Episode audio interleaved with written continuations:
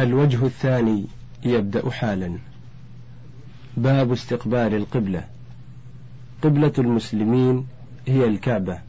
وقد فرض الله استقبالها في السنة الثانية من الهجرة حيث صلى النبي صلى الله عليه وسلم في المدينة سنة وخمسة أشهر أو أربعة إلى بيت المقدس.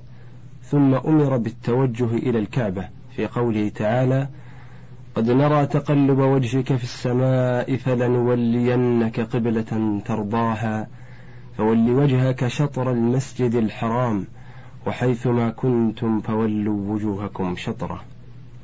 فاستقبال الكعبة لمن أمكنه مشاهدتها أو جهتها لمن لم يمكنه فرض لا تصح الصلاة إلا به إلا في حال العجز لمرض أو شدة خوف ونحوه وفي السفر في النفل خاصة. الحديث الأول. عن ابن عمر رضي الله عنهما أن النبي صلى الله عليه وسلم كان يسبح على راحلته حيث كان وجهه يومئ برأسه.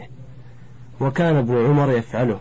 وفي رواية كان يوتر على بعيره ولمسلم غير أنه لا يصلي عليها المكتوبة وللبخاري إلا الفرائض. الراوي عبد الله بن عمر رضي الله عنهما سبقت ترجمته في الحديث رقم ثلاثة عشر. ألف موضوع الحديث. بيان ما يستقبله المتنفل بالصلاة حال السفر. باء شرح الكلمات. يسبح يصلي النافلة. راحلته بعيره. حيث كان وجهه أي اتجاه سيره. يومئ برأسه يشير به للركوع والسجود. وكان ابن عمر يفعله يصلي النافلة في السفر حيث كان وجهه. وهذه الجملة من قول نافع وعبد الله بن دينار وسالم بن عبد الله بن عمر رضي الله عنهما. وفائدتها بيان أن الحكم باق لم ينسخ. يوتر على بعيره يعني النبي صلى الله عليه وسلم أن يصلي الوتر عليها. المكتوبة المفروضة. جيم الشرح الإجمالي. من تمام حكمة الله تعالى ورحمته أنه لما شرع لعباده التطوع بما زاد عن الفريضة سهل عليهم في ذلك غالبا ترغيبا لهم في فعلها والإكثار منها. وفي هذا الحديث مثال من ذلك. حيث يحدث عبد الله ابن عمر رضي الله عنهما أن النبي صلى الله عليه وسلم كان يتنفل في السفر على راحلته حيث كان وجهة سيره. ويومئ برأسه في الركوع والسجود ولا يتكلف النزول إلى الأرض ليركع ويسجد ويستقبل القبلة. أما الفريضة فكان لا يصليها عليها لقلتها ولأنها أوكد من النوافل. دال فوائد الحديث. أولا مشروعية صلاة النافلة في السفر إلا راتبة الظهر والمغرب والعشاء فالسنة تركها.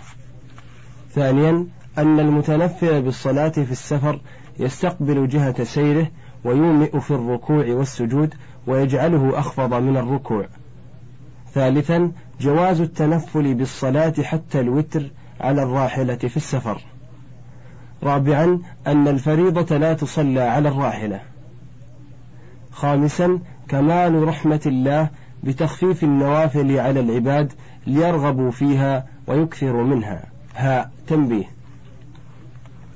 قول المؤلف ولمسلم غير أنه لا يصلي عليها المكتوبة ظاهره أن هذه الرواية ليست في البخاري وليست كذلك بل هي في البخاري أيضا.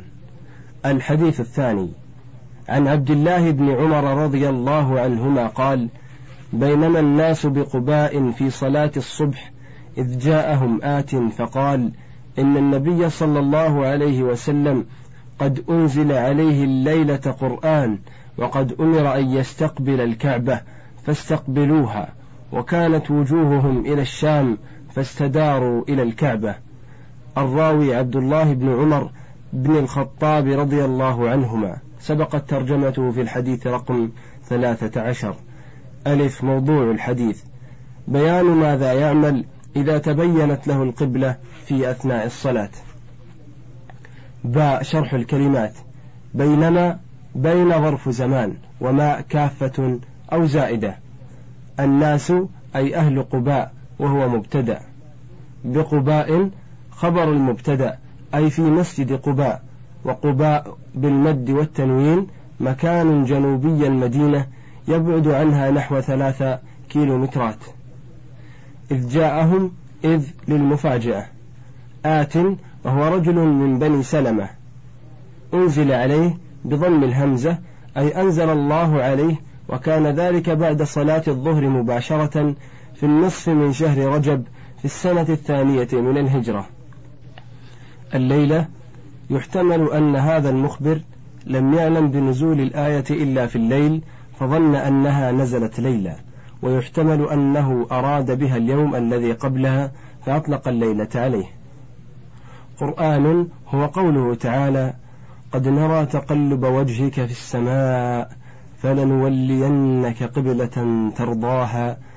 فول وجهك شطر المسجد الحرام وحيثما كنتم فولوا وجوهكم شطره. الآيات. أمر بضم الهمزة أي أمره الله تعالى. أن يستقبل الكعبة يتجه إليها حين صلاته. والكعبة هي البيت الذي وضعه الله في مكة أم القرى للعبادة وهو أول بيت وضع للناس. فاستقبلوها بكسر الباء أمر لأهل قباء أن يستقبلوا الكعبة. وفي لفظ بفتح الباء أي أن أهل قباء استقبلوا القبلة حين أخبرهم الآتي بذلك. وكانت وجوههم أي وجوه أهل قباء وهذه الجملة إلى آخر الحديث من قول ابن عمر. إلى الشام أي بيت المقدس. فاستداروا انحرفوا. جيم الشرح الإجمالي. قدم النبي صلى الله عليه وسلم المدينة مهاجرا. فجعل يصلي إلى بيت المقدس ستة, عشر شهرا أو سبعة عشر شهرا بجعل الله له ذلك. وكان صلى الله عليه وسلم يحب أن يتوجه إلى الكعبة ويتطلع إلى ذلك لأنها أول بيت وضع, وضع في الأرض لعبادة الله عز وجل ومحل التعبد بالطواف به. فأنزل الله تعالى عليه الأمر باستقبالها بعد صلاة الظهر. وانتشر الخبر في المدينة فخرج رجل من بني سلمة فأتى أهل قباء وهم يصلون الصبح في مسجدهم إلى بيت المقدس. فأخبرهم بما أنزل الله على نبيه محمد صلى الله عليه وسلم من الأمر بالتوجه إلى الكعبة فاستداروا إليها وهم في صلاتهم. فصار الإمام في مكان المأمومين وبالعكس وبنوا على ما مضى من صلاتهم. دال فوائد الحديث. أولا أن لله تعالى أن يغير من أحكام شريعته ما شاء لحكمة تقتضي ذلك. ثانيا وجوب العمل بقول الواحد في الأمور الدينية إذا كان ثقة. ثالثا أن من تبينت له القبلة في أثناء الصلاة استدار إليها وبنى على ما مضى من صلاته. رابعا جواز الحركة في الصلاة لمصلحتها فإن كانت لا تصح الصلاة بدونها فهي واجبة كالاستدارة إلى القبلة وإن كانت من كمال الصلاة فهي مستحبة كالدنو لسد خلل الصف. الحديث الثالث. عن أنس بن سيرين قال استقبلنا أنسا حين قدم من الشام فلقيناه في عين التمر فرأيته يصلي على حمار ووجهه من ذا الجانب يعني عن يسار القبلة فقلت رأيتك تصلي لغير القبلة فقال لولا أني رأيت رسول الله صلى الله عليه وسلم يفعله ما فعلته. الراوي أنس بن سيرين هو أخو, مح هو أخو محمد بن سيرين رحمهما الله يقال إنه لما ولد ذهب به إلى أنس بن مالك رضي الله عنه فسماه باسمه أنس وكناه بكنيته أبي حمزة. قال في التقريب ثقة من الثالثة مات سنة ثمان عشرة ومئة أو عشرين ومئة. ألف موضوع الحديث. بيان حكم استقبال القبلة في السفر إذا كانت الصلاة نفلا. باء شرح الكلمات. استقبلنا أنسا خرجنا لمقابلته وكان خروجهم من البصرة وأنس هو ابن مالك سبقت ترجمته في الحديث رقم أحد عشر. حين قدم من الشام رجع إلى منها إلى البصرة وكان سفره إلى الشام في سنة اثنتين وتسعين ليشكو الحجاج بن يوسف إلى الوليد بن عبد الملك. في عين التمر اسم موضع بطريق العراق مما يلي الشام. رأيتك تصلي أبصرتك والمراد بهذه الصلاة صلاة التطوع. والغرض من هذه الجملة استيضاح استيضاح مستند أنس بن مالك رضي الله عنه في فعله ذلك. لولا أني رأيت أبصرت. يفعله أي الصلاة لغير القبلة. جيم الشرح الإجمالي. سكن أنس بن مالك رضي الله عنه البصرة ولقي من الحجاج ما لقي فسافر إلى الشام ليشكو الحجاج إلى الوليد بن إلى الوليد بن عبد الملك ثم رجع إلى البصرة فاستقبله أصحابه وفيهم أنس بن سيرين فرآه يصلي إلى غير القبلة قد جعل القبلة عن يمينه فقال له رأيتك تصلي لغير القبلة طالبا استيضاح الدليل منه على فعله. فأخبر أنس بن مالك أنه لولا أنه رأى النبي صلى الله عليه وسلم يفعله ما فعله. دال فوائد الحديث. أولا أن استقبال القادم من السفر كان من عمل السلف. ثانيا جواز الصلاة على الحمار. ثالثا أنه لا يشترط استقبال القبلة في السفر إذا كانت الصلاة نفلا بل يستقبل جهة سيره. رابعا أن أفعال النبي صلى الله عليه وسلم حجة. خامسا حسن أدب ابن سيرين في تلطفه في سؤال أنس بن مالك رضي الله عنه. باب الصفوف. الصفوف جمع صف والمراد هنا الصفوف في صلاة الجماعة وهي من كمال صلاة الجماعة. وفي صحيح مسلم عن حذيفة بن اليمان رضي الله عنه قال قال رسول الله صلى الله عليه وسلم فضلنا على الناس بثلاث. جعلت صفوفنا كصفوف الملائكة وجعلت لنا الأرض كلها مسجدا وجعلت تربتها لنا طهورا إذا لم نجد الماء. وقد بين النبي صلى الله عليه وسلم كيف كانت صفوف الملائكة حين قال للصحابة رضي الله عنهم ألا تصفون كما تصف الملائكة عند ربها؟ قالوا يا رسول الله وكيف تصف الملائكة عند ربها؟ قال يتمون الصفوف الأول ويتراصون في الصف. رواه مسلم. الحديث الأول. عن أنس بن مالك رضي الله عنه قال قال النبي صلى الله عليه وسلم سووا صفوفكم فإن تسوية الصف من تمام الصلاة. الراوي أنس بن مالك. سبقت ترجمته في الحديث رقم أحد عشر.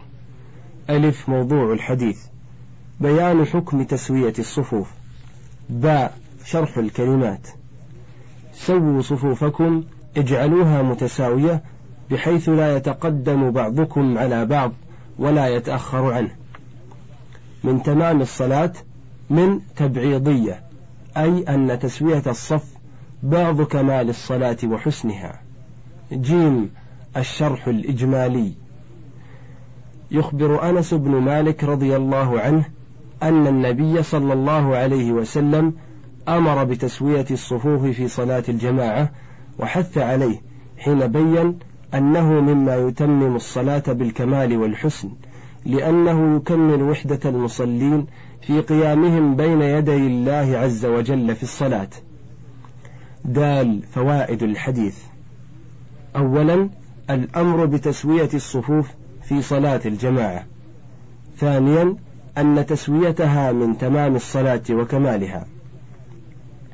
ثالثا حكمة النبي صلى الله عليه وسلم في التعليم حيث يذكر الحكم والعلة لتبيين حكمة التشريع وتنشيط النفوس على الامتثال. الحديث الثاني.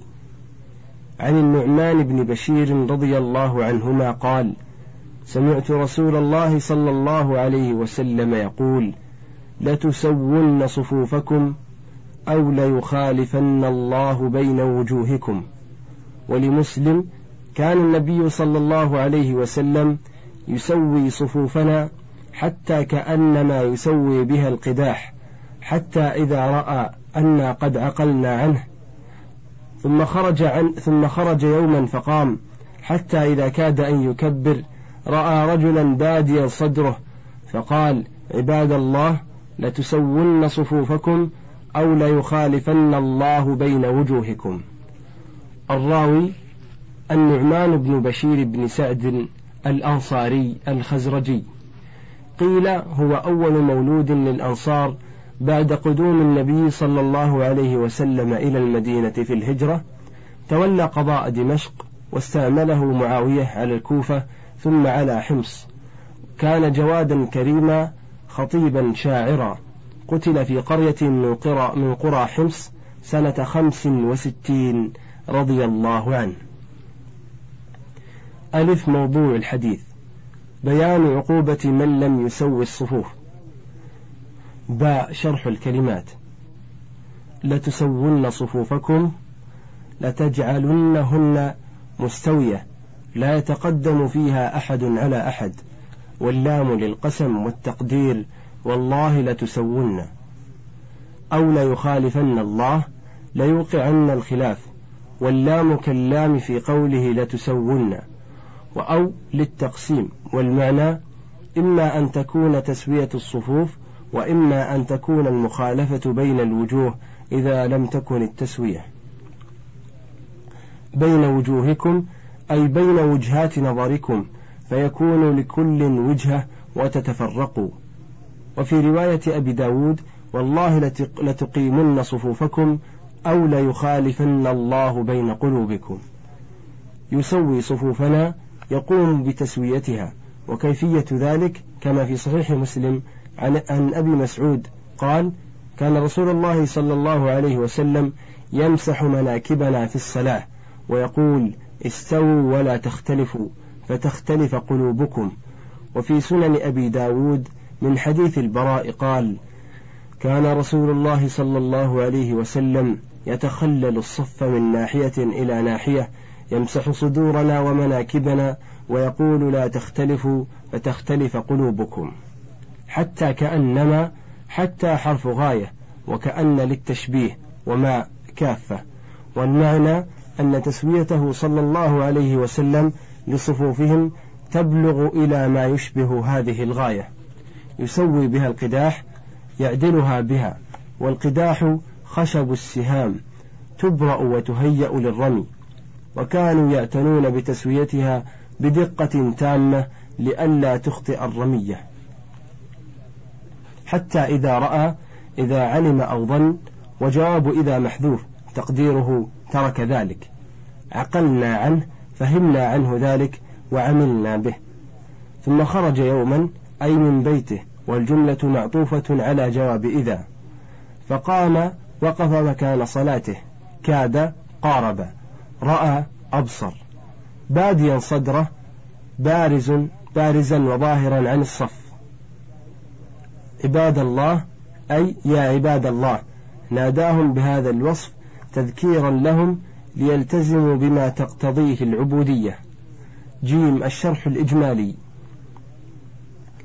يخبر النعمان بن بشير رضي الله عنهما أن النبي صلى الله عليه وسلم كان يباشر بنفسه تسوية الصفوف تسوية تامة بمنتهى الدقة حتى كأنما يسوي بها القداح. فلما عقل الصحابة ذلك وفهموه وطبقوه تطبيقا كاملا ترك ذلك فخرج ذات يوم ليصلي بهم. فلما وقف في مكان صلاته أبصر رجلا متقدما قد بدا صدره فناداهم صلى الله عليه وسلم بوصف العبودية المستلزم لانقيادهم وامتثالهم وتوعدهم وعيدا مؤكدا بالقسم واللام والنون إذا لم يسووا صفوفهم. واختلفوا في التقدم والتأخر أن يخالف الله بين قلوبهم فتختلف وجهات نظرهم ويحصل التفرق وفساد المجتمع لأن الجزاء من جنس العمل. ولأن التقدم والتأخر من بعضهم لبعض يحدث فيهم الشعور بعدم الألفة والاتحاد فيحل التفكك والاختلاف. دال فوائد الحديث. ألف وجوب تسوية الصفوف في الصلاة لأن النبي صلى الله عليه وسلم توعد على تركها ولا وعيد على ترك شيء إلا أن يكون واجبا. ثانيا حرص النبي صلى الله عليه وسلم على استواء الصفوف استواء تاما في غاية الدقة حيث كان يباشر ذلك بنفسه ويمسح مناكب المصلين كأنما يسوي بها القداح. ثالثا أن من مهمات الإمام مراقبة الصفوف وتسويتها لأنه كالقائد للجنود. رابعا أنه لا يكبر حتى يراقب الصفوف ويتأكد من تسويتها.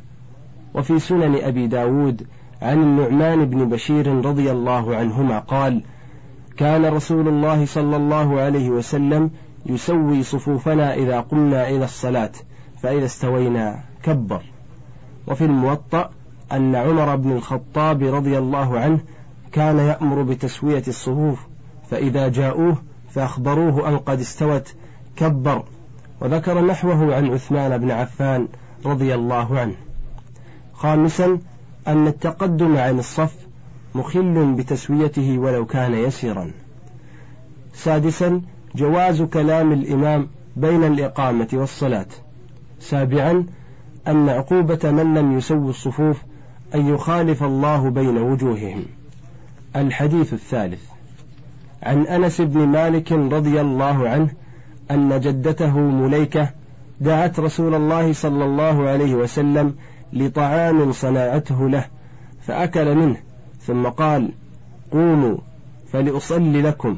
قال أنس فقمت إلى حصير لنا قد اسود من طول ما لبس فنضحته بماء. فقام عليه رسول الله صلى الله عليه وسلم وصففت أنا واليتيم وراءه والعجوز من ورائنا. فصلى لنا ركعتين ثم انصرف. ولمسلم أن النبي صلى الله عليه وسلم صلى به وبأمه. قال فأقامني عن يمينه وأقام المرأة خلفنا. الراوي أنس بن مالك رضي الله عنه. سبقت ترجمته في الحديث رقم أحد عشر. ألف موضوع الحديث. بيان موقف المأموم. باء شرح الكلمات. أن جدته جدة أنس أم أمه. مليكة هي بنت مالك ابن عدي الأنصارية النجارية. دعت رسول الله طلبت حضوره. صنعته له أي لأجله. فلأصلي الفاء حرف عطف. واللام لام الأمر وهي بالسكون لوقوعها بعد فاء العطف والفعل مجزوم بها بحذف الياء. والمراد بالأمر هنا الخبر. وفي رواية فلأصلي بكسر اللام على أنها لام التعليل والفعل بعدها منصوب بفتح الياء. لكم أي لأجلكم لتعليمكم أو لحلول البركة في منزلكم. حصير فراش منسوج من سعف النخل. طول ما لبس أي طول مدة ما استعمل. فنضحته بماء رششته به إما لتليينه أو لتنظيفه أو للأمرين جميعا. فقام عليه وقف عليه للصلاة. اليتيم من مات أبوه قبل بلوغه والمراد به ضميرة ابن أبي ضميرة الحميري مولى النبي صلى الله عليه وسلم. قال المؤلف وهو جد حسين ابن عبد الله ابن ضميرة. والعجوز المرأة الكبيرة السن والمراد بها مليكة. ثم انصرف رجع من عندهم. صلى به بأن بأنس بن مالك وبأمه بأم أنس وهي أم سليم وسبقت ترجمتها في الحديث رقم 32 قال أي أنس بن مالك أقامني عن يمينه وقفني للصلاة معه. المرأة أي أم أنس. جيم الشرح الإجمالي. يخبر أنس بن مالك رضي الله عنه أن جدته أم أمه مليكة بن بنت مالك صنعت لرسول الله صلى الله عليه وسلم طعاما ودعته إليه. وكان صلى الله عليه وسلم حسن الخلق لين الجانب أجابها إلى دعوتها وأكل من طعامها ثم أراد أن يكافئها على صنيعها فأمرهم أن يقوموا معه ليصلي لهم فيتعلموا منه ويتبركوا بصلاته في منزلهم. فعمد أنس إلى حصير قديم قد اسود من طول مدة استعماله فرشه بماء لتليينه وتنظيفه ثم قدمه إلى رسول الله صلى الله عليه وسلم ليصلي عليه. فقام صلى الله عليه وسلم وصف وراءه أنس ويتيم معه. وقامت جدته مليكة تصلي من ورائهم. وأخبر أنس أن النبي صلى الله عليه وسلم صلى مرة أخرى به وبأمه أم سليم فجعل أنس عن يمينه وأمه خلفهما. دال فوائد الحديث. أولا حسن خلق النبي صلى الله عليه وسلم وتواضعه. ثانيا مشروعية مكافأة صانع المعروف بما يناسب. ثالثا جواز الصلاة على الحصير. رابعا جواز الجماعة في صلاة النفل للمصلحة. خامسا أن موقف المأموم الواحد عن يمين الإمام وما زاد عن الواحد خلفه. سادسا جواز مصافة البالغ للصبي. سابعا أن المرأة لا تصف, لا تصف مع الرجال بل تكون خلفهم. ثامنا عناية الإسلام بمنع اختلاط المرأة بالرجال. ها تنبيه. ظاهر قول المؤلف ولمسلم إلى آخره أن الحديث واحد وليس كذلك بل هما حديثان كل واحد مستقل في قصة أخرى. وإنما ألحقه المؤلف بالأول ليتبين به موقف المأموم الواحد مع الإمام. الحديث الرابع. عن عبد الله بن عباس رضي الله عنهما قال بت عند خالتي ميمونة فقام النبي صلى الله عليه وسلم يصلي من الليل فقمت عن يساره فأخذ برأسي فأقامني عن يمينه. الراوي عبد الله بن عباس رضي الله عنهما سبقت ترجمته في الحديث رقم ستة عشر. ألف موضوع الحديث. بيان موقف المأموم الواحد. باء شرح الكلمات. بت بكسر الباء نمت ليلى. ميمونة هي بنت الحارث وسبقت ترجمتها في الحديث رقم ثلاثين. من الليل من للتبعيض أو للبيان. فقمت وقفت للصلاة معه. فأخذ برأسي أمسك به. جيم الشرح الإجمالي. كان ابن عباس رضي الله عنهما حريصا على العلم يتتبع مواردة حيث كانت فاغتنم فرصة الليلة التي يكون فيها النبي صلى الله عليه وسلم عند خالته ميمونة زوج النبي صلى الله عليه وسلم. وها هو يحدث عن نفسه أنه بات عندها ليشاهد صلاة النبي صلى الله عليه وسلم. فلما قام النبي صلى الله عليه وسلم في الصلاة قام ابن عباس رضي الله عنهما فصف إلى يساره. ومن أجل أن اليمين أفضل وأولى بالتقديم أخذ النبي صلى الله عليه وسلم برأس ابن عباس فجعله عن يمينه. دال فوائد الحديث. أولا حرص عبد الله بن عباس رضي الله عنهما على الفقه في الدين. ثانيا جواز مبيت الرجل في بيت زوج قريبته إذا لم يكن في ذلك ضرر ولا إحراج. ثالثا أن موقف المأموم الواحد عن يمين الإمام. رابعا جواز الدخول في أثناء الصلاة مع المنفرد لتحصيل الجماعة. خامسا مشروعية الحركة لمصلحة الصلاة أو جماعتها. سادسا جواز الجماعة في صلاة التطوع للمصلحة. انتهى الشريط الخامس من كتاب تنبيه الأفهام بشرح عمدة الأحكام. وله بقية على الشريط السادس.